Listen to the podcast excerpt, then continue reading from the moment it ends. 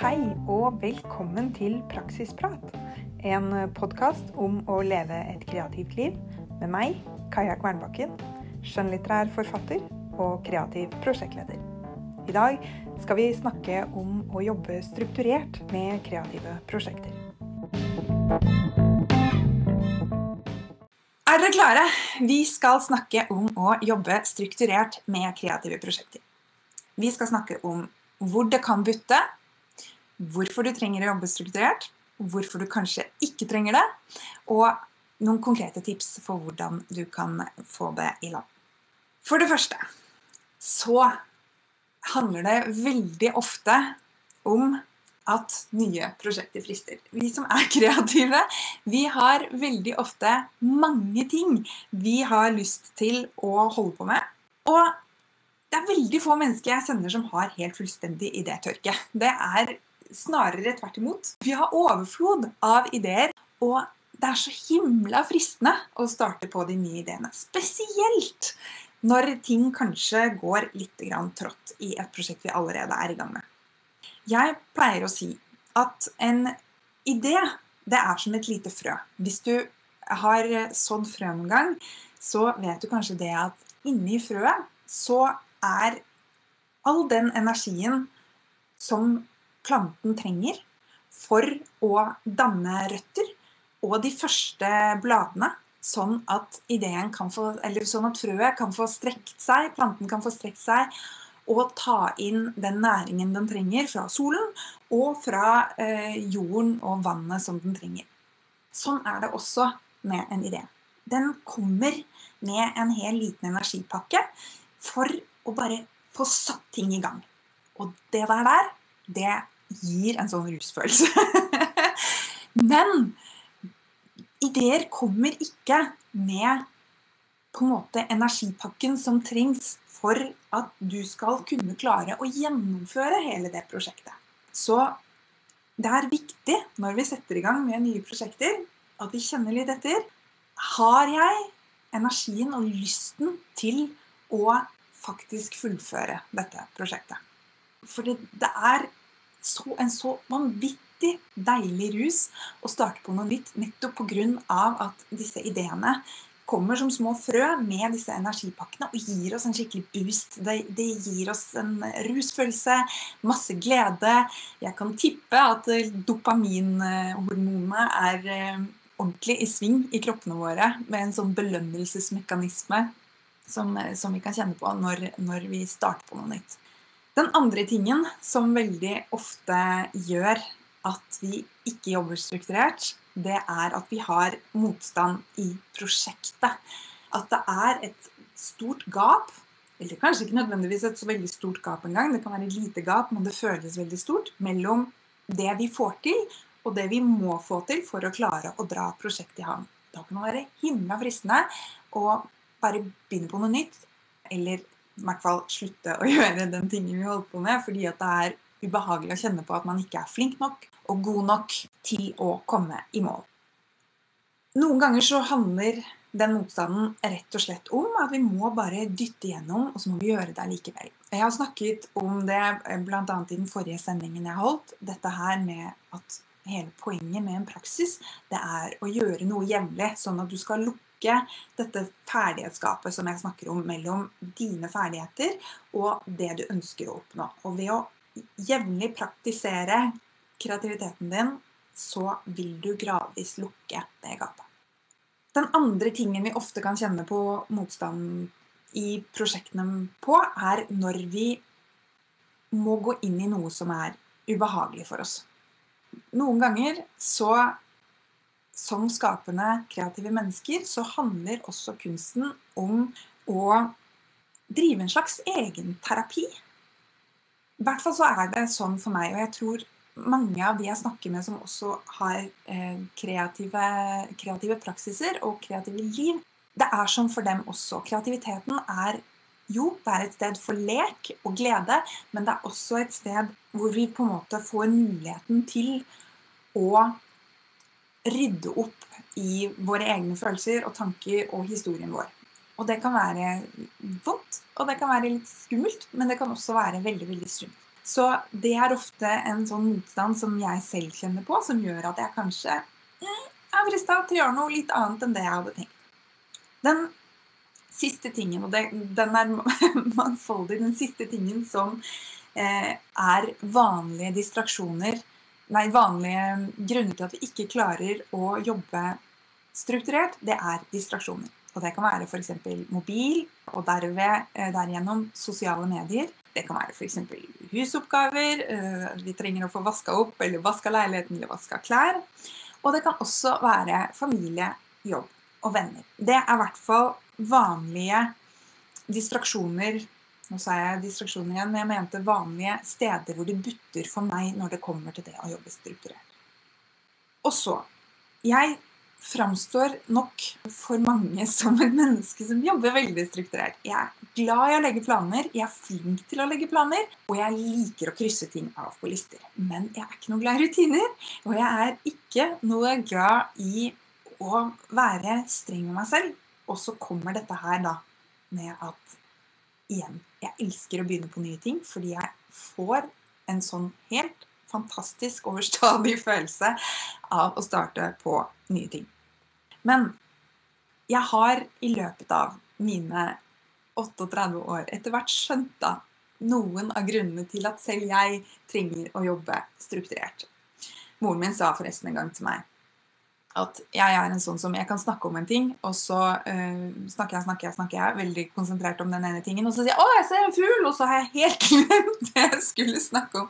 Og, og sånn, sånn, sånn, har jeg det også med, med, kreative prosjekter. Men jeg har etter hvert skjønt noe om hvorfor jeg også trenger å jobbe strukturert. Og det første skjønte jeg for Eller ikke det første jeg skjønte, men jeg, jeg skjønte det for ekstra godt for kanskje sånn ti år siden. Og jeg kjente at jeg gikk rundt konstant og var ganske lei meg. Fordi jeg følte at jeg ikke fikk til noen verdens ting. Også hvis jeg stoppet opp og var ærlig med meg selv, så kunne jeg på en måte se at jeg, jeg fikk til masse. Jeg hadde en god jobb. Eh, jeg hadde allerede gitt ut tekster i antologier. Og sånn, helt sånn objektivt sett så var jeg ganske suksessfull. Men jeg følte allikevel på at jeg ikke fikk til noen ting. Og noe av det var fordi at jeg ikke fikk til noe av det som var viktigst for meg. Bl.a. det å skrive en roman. Fordi det er sånn at når vi ikke gjør ting ferdig, så forteller vi oss stadig vekk at vi ikke får det til Vi tror kanskje ikke at det er det vi forteller oss selv. Kanskje tror vi at vi forteller oss selv at vi fortjener å få lov til å begynne på den nye skinnende blanke tingen, det nye prosjektet, den nye ideen som frister oss så veldig. Men fakta er at jo flere avbrutte prosjekter vi har bak oss, jo mer på en måte innprenter vi oss selv enn vi er en som ikke gjør ting ferdig. Og det trenger ikke å være sant. Og sånn, et lite sidenotat er at det betyr ikke at vi alltid må gjøre alle ting ferdig. Noen ganger så trenger vi å begynne på et nytt prosjekt for å skjønne at dette var ikke det jeg skulle gjøre. Det er en annen ting. Men når vi har lyst til faktisk å gjennomføre og få gjort ferdig et prosjekt, så er det noe med å stå i det til det er ferdig. Fordi når vi faktisk gjør noe helt ferdig, så gir det en mestringsfølelse som langt overgår den rusen av å begynne på noe nytt. Det kan kanskje være vanskelig å tro, men sånn er det. Og etter hvert som du gjennomfører stadig flere prosjekter, så vil du bygge en trygghet i deg selv som gjør at det gir mindre motstand også å begynne på nye ting når du er klar for det. Den andre grunnen til at det er viktig å jobbe strukturert, det er fordi at hvis du bytter fokus hele tiden, så bruker hjernen din masse, masse tid og masse, masse energi på å omstille seg, og du får gjort mye mindre. Det her er altså Hver gang du skifter fokus fra én oppgave til en annen, så bruker hjernen din tid og energi på å flytte fokuset og gjøre seg klar og omstille seg til at ok, nå er det dette vi skal jobbe med. Og det er en av grunnene til at jeg anbefaler å ikke switche mellom to prosjekter f.eks. samtidig. Altså at du jobber parallelt på en tekst og en annen tekst. Jeg skal si litt om hvordan jeg jobber når jeg bytter mellom prosjekter. Og når jeg bytter mellom prosjekter. Men det er viktig å vite at hjernen din fungerer sånn at den bruker tid og energi når den skal bytte fra et prosjekt eller et fokus til et annet. Dette her gjelder også på jobben din, f.eks. Sånn at hvis du til stadighet blir avbrutt, eller til stadighet bytter mellom oppgaver og ikke gjør dem ferdig, så bruker du mye lengre tid på å bli ferdig enn hvis du forplikter deg til å gjøre ferdig én ting av gangen. Jo lengre strekk du får jobbet uavbrutt, eh, desto bedre er det. Og når jeg sier det, jo lengre strekk du jobber uavbrutt, desto bedre er det, så mener jeg ikke nødvendigvis at du f.eks. er nødt til å sitte og skrive i to timer, men jeg mener at det er viktig at du ikke liksom skriver ti minutter på én ting, ti minutter på noe annet, ti minutter på en tredje ting, for da vil du sannsynligvis bruke lang tid på å komme inn i hver enkelt ting. En ting som også er veldig morsomt med dette her, er at når du har jevnlig fokus på én ting, så ligger det veldig mye lettere tilgjengelig i hjernen din. Og det var veldig morsomt da jeg gjennomførte Drømmestart, dette kurset mitt om å bygge gode vaner rundt drømmene sine, i januar. Fordi da var det veldig mange av deltakerne som fikk en sånn aha-opplevelse på at når de faktisk forpliktet seg til å gjøre eh, jobbe på det samme prosjektet hver eneste dag i da 21 dager, som er det lengden på det kurset, så var det mye lettere å sette seg ned og jobbe med det samme materialet neste dag og neste dag fordi at det, det, var så mye lettere tilgjengelig i hjernen. Eh, det ligger så mye lettere tilgjengelig under overflaten. Du må ikke grave og bruke masse tid på å komme inn i det og bli kjent med for eksempel, hvis du skriver 'bli kjent med karakterene dine' igjen. og Du vet hvor du vil, du har, du har kontakt med stoffet.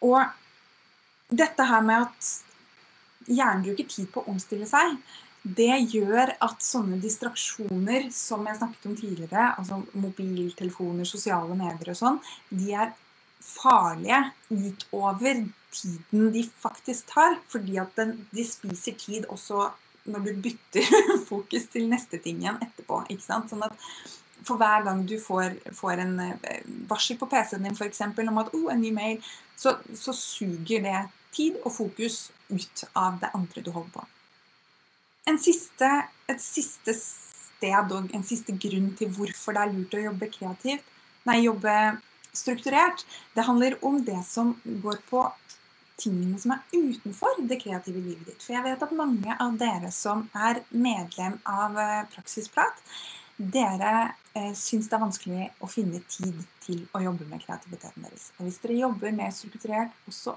utenfor det kreative livet deres, så kan det Det spørs jo hvordan livssituasjonen deres er, men da, kan det på en måte kjøpe dere fri til å bruke mer tid på kreativiteten deres. En ting som jeg gjør, er at jeg f.eks. lager klar det aller aller meste av innholdet som skal på sosiale medier, på Instagram, i lang tid i forveien.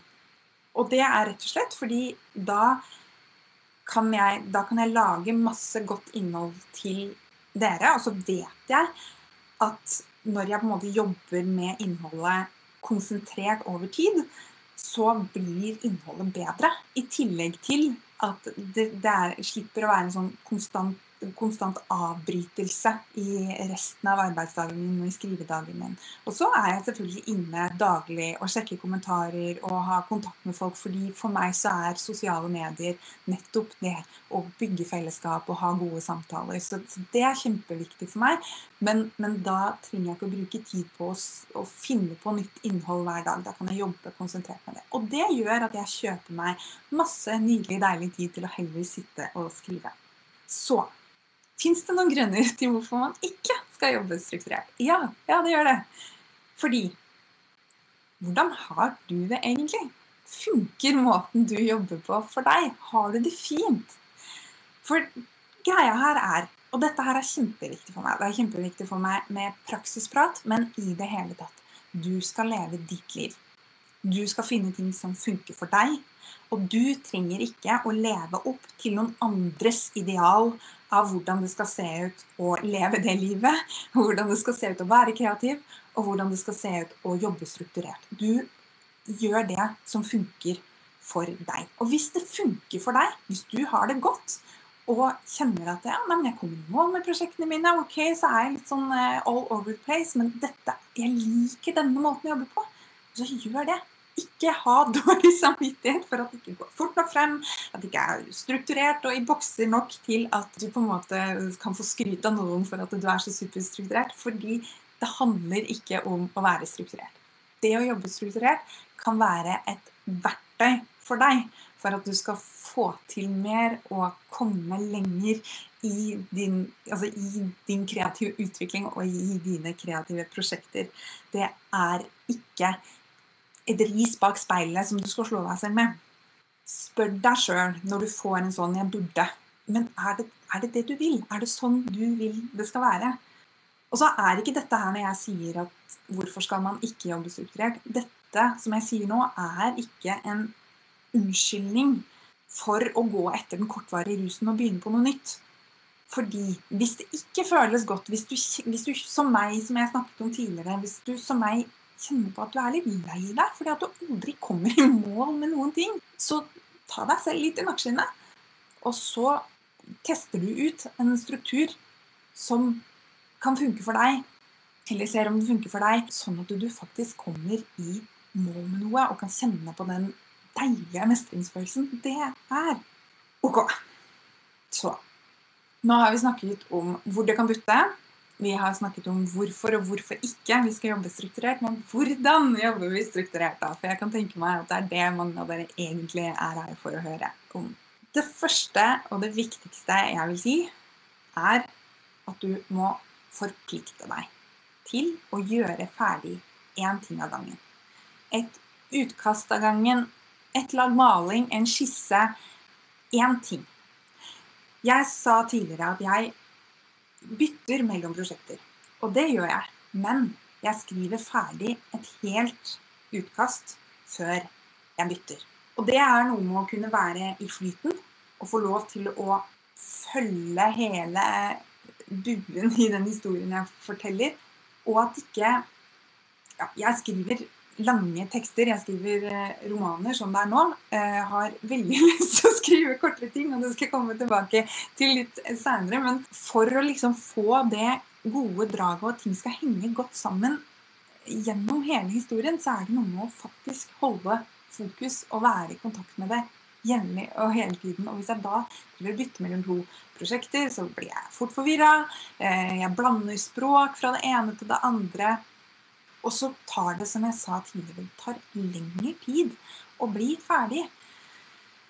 Så noe jeg gjør, det er at jeg skriver en kontakt med meg selv og det kreative prosjektet mitt. Og så forteller jeg veldig gjerne om da den kontrakten jeg har laget, til noen andre. Og her inne i Praksisprat Facebook-gruppa så er det jo det f.eks. mandagsmålene er til. Det er og forplikte oss til vår egen kreative praksis, til, vår, til, bestemte prosjekter som vi har lyst til å få gjennomført. Så jeg anbefaler deg veldig sterkt til en skriv en kontrakt med prosjektet ditt og deg selv, og del den med noen andre. Og da kan du veldig gjerne dele det inne i Facebook-gruppa vår. Skal du lage en kontrakt for et helt stort prosjekt, så lag gjerne din egen post til det. Det trenger ikke å være på en måte forbeholdt bare mandagsmålene, men, men det er det dette er til for. Og hvis du trenger hjelp til å få skrevet en sånn kontrakt Jeg har laget en e-bok til dere. Den eh, heter eh, ja, hva heter den? Den, fall, den handler i hvert fall om mine tre beste tips til å leve et kreativt liv. Og inni der så er det også oppgaver gjøre, som man kan gjøre for å komme i gang. Det er en kontrakt, og det er en ukentlig sjekk-in Eh, netto for å holde litt struktur rundt kreativiteten vår. Så hvis ikke du har lastet ned den allerede, så kan du gjøre det ved å gå inn på nettsiden min, kajakvernbakken.no, og så velger du 'kreativt liv' i eh, menyen. Eller bare eh, gå inn på kajakvernbakken.no skråstrek kreativt liv, og så legger du igjen navn og e-postadresse, og så sender jeg deg den e-boken. Der, der har du noen helt konkrete verktøy som du kan jobbe med. En annen ting du kan gjøre for å jobbe strukturert med kreative prosjekter, er at du bestemmer på forhånd hva det er du skal gjøre. Og når jeg sier at du skal bestemme på forhånd hva det er du skal gjøre, så mener jeg at du skal bestemme det helt konkret. F.eks. hvis jeg skal skrive, så er det jeg skal jobbe med denne konkrete scenen. Jeg skal skrive så mange ord. Jeg skal skrive i så mange minutter. Variasjonen over dette her må du finne en, en forpliktelse som funker for deg. Men jo mer konkret du er, desto mindre energi trenger hjernen din å bruke på å finne ut av hva den skal gjøre når den setter seg. Har du bestemt det på forhånd, så, så er det mye lettere å bare gå rett inn i arbeidet og begynne. Jeg liker å lage avkryssingslister, for jeg liker å krysse tingene på lister. Så det kan være en måte å strukturere det på, og også belønne seg selv på. At du kan krysse tingene på lista og få det gjort. Og så kommer vi tilbake til dette her med kortere prosjekter, små prosjekter, og å senke terskelen.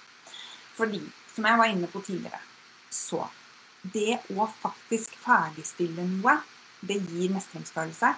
Og den mestringsfølelsen er så utrolig for det første deilig, og for det andre viktig for å eh, gå i gang med andre ting seinere igjen også. Så man, man bygger selvtillit ved å, eh, mestre ting og gjøre ting ferdig.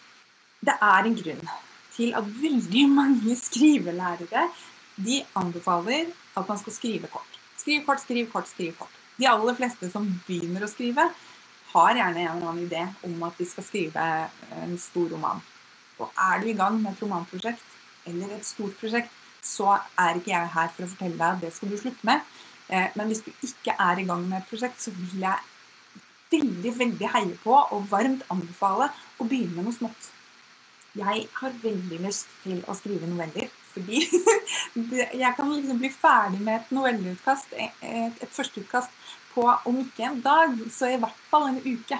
Og det er noe helt annet enn nå, hvor jeg sitter eh, Nå har jeg jobbet med et prosjekt i to og et halvt år.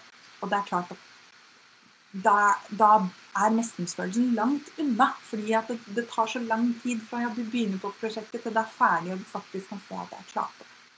Når du skal jobbe konkret med én ting og har bestemt deg for det, forpliktet deg til det, så har det seg ofte sånn at da kommer jo gjerne disse nye ideene. At de elsker at man er litt sånn bestemt og, og, vil gå i gang med sitt eget kreative prosjekt og liksom virkelig forplikter oss til å gjøre noe bra her i verden. Og da kommer de andre nye ideene. 'Å, gjør det med meg, og gjør det med meg, og vær så snill, og gjør det med meg også.' ikke sant? Og jeg sier ikke at du bare skal si sånn, sitte som fluesmekkeren og, og kaste, smekke den ene ideen etter den andre bort. Nei, ta gjerne imot dem. Ta vare på dem. Noter dem ned. Jeg liker veldig godt å ha notatboken min åpen ved siden av meg når jeg jobber. Og hvis jeg får en ny idé, så skriver jeg den raskt ned i den boken.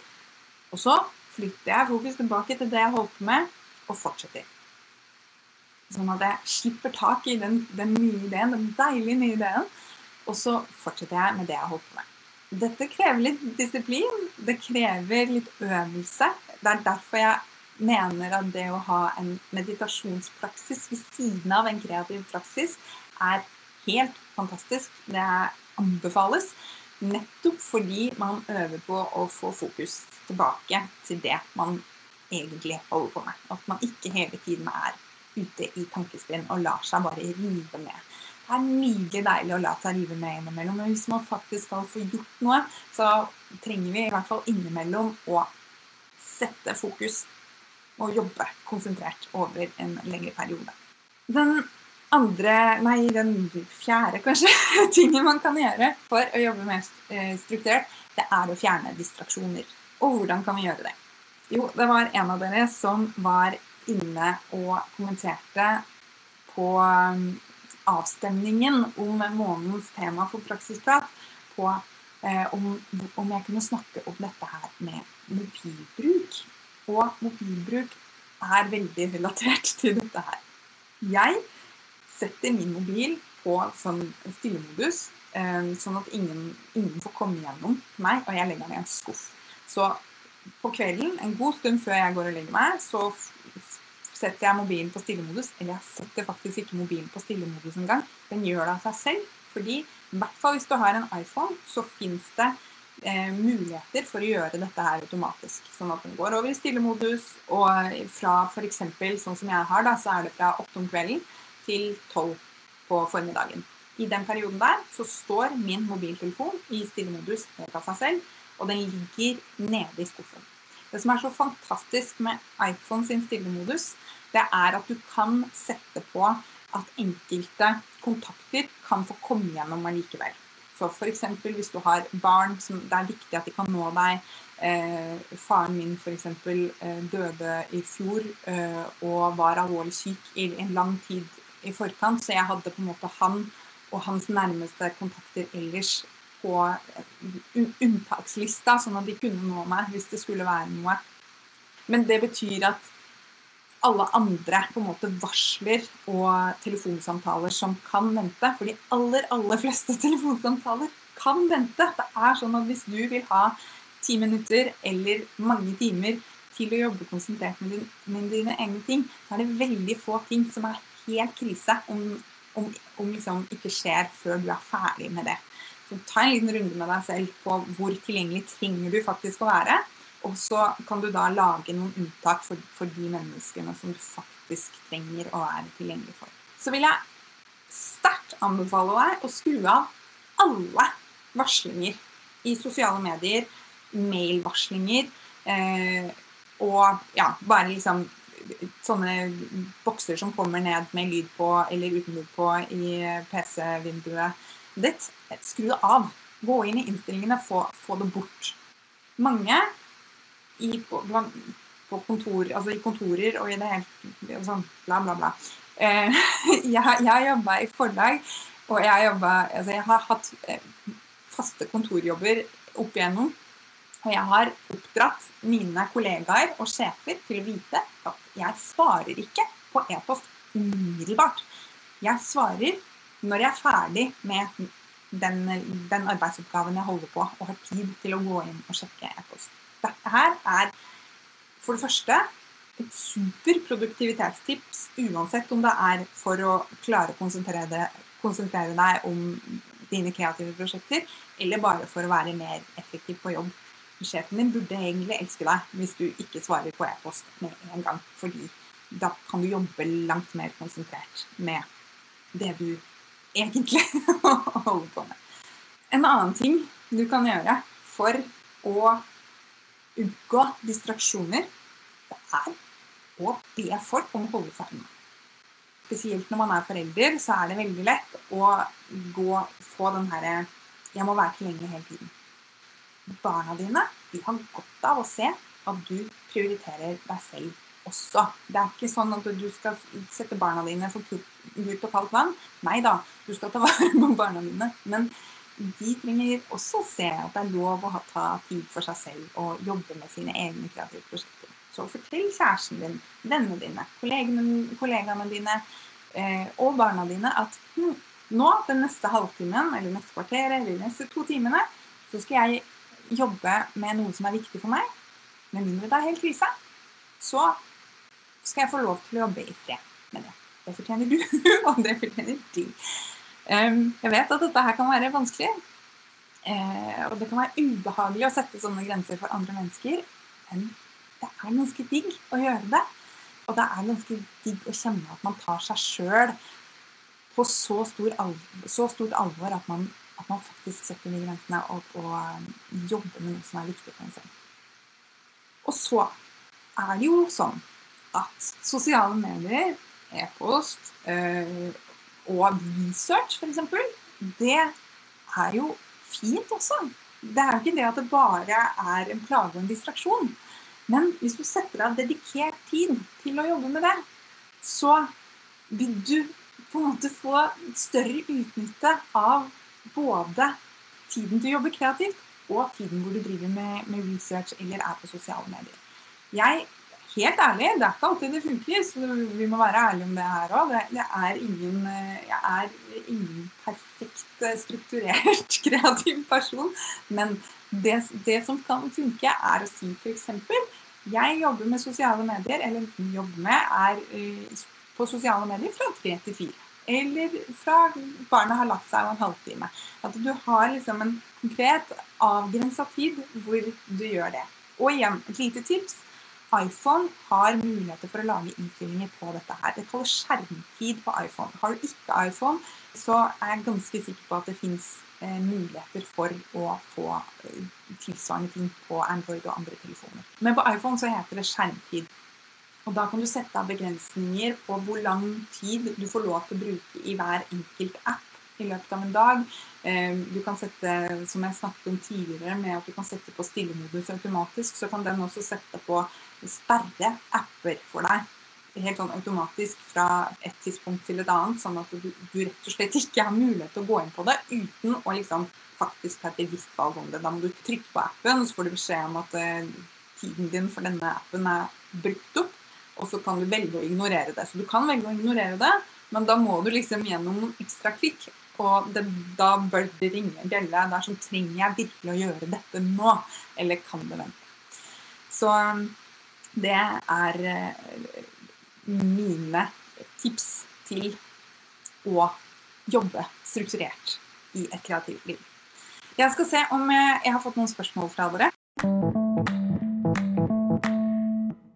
Beatrice sier der sa du det. Det er nok overfloden som problematiserer og frykten. Ja, så er det litt sånn Man blir redd for å gå glipp av en helt fantastisk idé. Men det som er litt deilig ved å ikke bare kaste seg på en idé idet den kommer, det er at når du så går tilbake til den ideen som du har skrevet ned kanskje for en time siden, eller kanskje for fire uker siden, eller kanskje for to år siden Når du går tilbake til den ideen, så kan du kjenne bedre i deg selv hvorvidt det er noe som, hvor du også har energi til å jobbe videre med det. Hvor det, ikke bare er denne, denne, lille energibomben som kommer med den nye ideen, som, som eh, frister, men at det faktisk kommer liksom fra, fra dypet av deg. At det er OK, dette her, dette vil jeg synes er fint også utover den første Eh, det første energikicket, den første rusen med, med å jobbe med noe nytt. Beatrice skriver også 'ouch'. Ja, det er mange, mange ting med dette her som kan være litt ouch også. Er vi litt sånn Vi forteller oss selv ofte at ting er på en bestemt måte, og så hvis vi begynner å undersøke det litt nærmere, så er det kanskje ikke helt sånn. Så igjen, vi, vi gjør dette her inne i Praksisprat Facebook-gruppen Jeg har problemer med artikulasjon i dag. Vi snakker om dette her inne i Facebook-gruppen til Praksisprat også. Men dette her med å evaluere og justere. Hvis du daglig eller ukentlig tar en kikk på hvordan du jobber, eh, hva som funker og hva som ikke funker, så er det eh, mye lettere å justere og gjøre små justeringer underveis, i stedet for at du skal komme liksom Eh, to år fram i tid og kjenne at dette funker ikke for meg i det hele tatt. Jeg må gjøre om alt fra bunnen av. Gjøre liksom små justeringer underveis, sånn at du gradvis både får jobbe med kreative prosjekter som gir deg mye, og også får til et liv som føles digg å være i. Vi vil da vel alle ha digge liv i så stor grad vi kan det. Marianne Louise Fischer skriver prøver å minne meg selv på at jeg også får rus når jeg er ferdig med en ting. For det meste virker det unikalt. Nei da. Eh, og jeg skjønner det kjempegodt. Og som jeg har eh, snakket om tidligere, så er den rusen er så deilig. Og, og, jeg har som sagt jobbet nå i to og et halvt år med den romanen jeg holder på med. Jeg er så lei. jeg er så lei.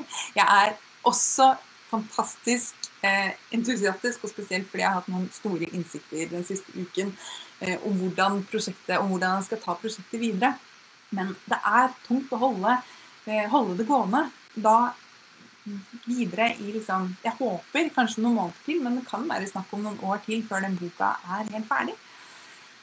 Eh, og da er det veldig, veldig fristende å begynne på noe nytt. Men da har jeg nå laget en forpliktelse med meg selv om at ok, jeg kan begynne med noe annet, men jeg skal først gjøre ferdig det utkastet jeg holder på med nå. Og så, så er det klart for nytt. Og så blir jo det også en premie, da. Dere må ikke glemme det. At det er jo en premie å få lov til å begynne på noe nytt når man endelig er ferdig med et utkast eller en skisse eller et lag med maling eller det man nå trenger å gjøre for å, for å kunne liksom si at ok, nå har jeg gjort nå har jeg jobbet gjennom et helt strekk. Nå trenger jeg en pause. Og det i maling f.eks. Så, så må jo lagene med maling, hvis man maler med olje eller akryl, så må det få lov til å tørke. Eh, hvis man skriver, så trenger man å ta pause for å kunne komme tilbake og lese gjennom teksten på nytt med friske øyne og kunne se den mer ikke være så knytta til det som står der, fordi vi ikke nettopp har sittet og nyjobbet på det, men, men faktisk kunne se det med et litt mer kritisk blikk og være litt ærlig om hva som funker og ikke funker, og ikke være så opphengt i disse her darlingene våre at vi ikke klarer å kutte dem ut hvis vi trenger å gjøre det. Andrea skriver nok utfordrende å tillate meg å jobbe kreativt. Kommer ofte mange innsigelser. Ja, det er det også, vet du. Og dette her har jeg tenkt at jeg skal holde en egen liten peptalk om til dere. Eh, om hvorfor du trenger å tillate deg selv å jobbe kreativt. Vi trenger å være kreative. Eh, vi, vi, får det bedre som mennesker når vi tillater oss selv å leke og være kreative og skape og, og, og komme i mål med noe som er viktig for oss. Beatrice skriver det er så vanskelig å holde avtaler med seg selv. Mye lettere å forplikte seg med en annen. Ja! Og det er derfor denne gruppen fins. Det er derfor Praksisprat fins. Fordi Ja, derfor det er mange. Derfor også det er en av grunnene til at praksisprat fins. Fordi da kan vi bruke denne gruppen til å forplikte oss til hverandre. Hvis du sier inne i praksispratgruppa at 'Hei, jeg forplikter meg til dette', så er det masse folk som veit det. Hvis du sier på mandag 'Denne uken skal jeg gjøre sånn og sånn', så når søndagen kommer, så er det folk som kommer til å lure på hvor ble det av Beatrice og det hun sa hun skulle gjøre. Og dette her er også igjen Det er ikke ment å være et ris bak speilet. Ikke slå dere sjøl i huet hvis dere ikke får til det dere har bestemt dere for. Men ta en slik kikk på hvorfor fikk jeg ikke gjort det jeg hadde bestemt meg for. Var det energinivået? Har jeg vært sjuk? Trengte jeg å gjøre noe annet? Det er ikke alltid sånn at det vi bestemmer oss for, er det som funker. Så det er der, her kommer dette her med å evaluere og justere inn. Sånn at vi hele tiden kan, kan sjekke med oss selv. Kanskje hadde vi en idé om at det ville være veldig fint å jobbe på den måten, og så funker det ikke for oss i det hele tatt. Så, så, ikke bruk det at dere har satt dere et mål, eller forpliktet dere til noe dere trenger å slå dere sjøl i huet med og straffe dere selv med hvis dere ikke får til. Bruk det til å bli nysgjerrig og justere sånn at dere faktisk får til det dere har lyst til å gjøre. Det er så viktig. ok. Eh, det er ikke kommet noen flere kommentarer eller spørsmål. Veldig hyggelig å få prate med dere i dag. Eh, og så gleder jeg meg veldig til neste gang og til å fortsette praten inne på, i Facebook-gruppa vår. Eh, og til å få lov til å heie på dere og deres prosjekter. Fortell meg gjerne eh, hvordan det går med å jobbe mer strukturert hvis dere finner ut at det er noe for dere, og om noen av disse tipsene her funker. Ok, ha en fortsatt god uke da, folkens. Ha det bra så lenge.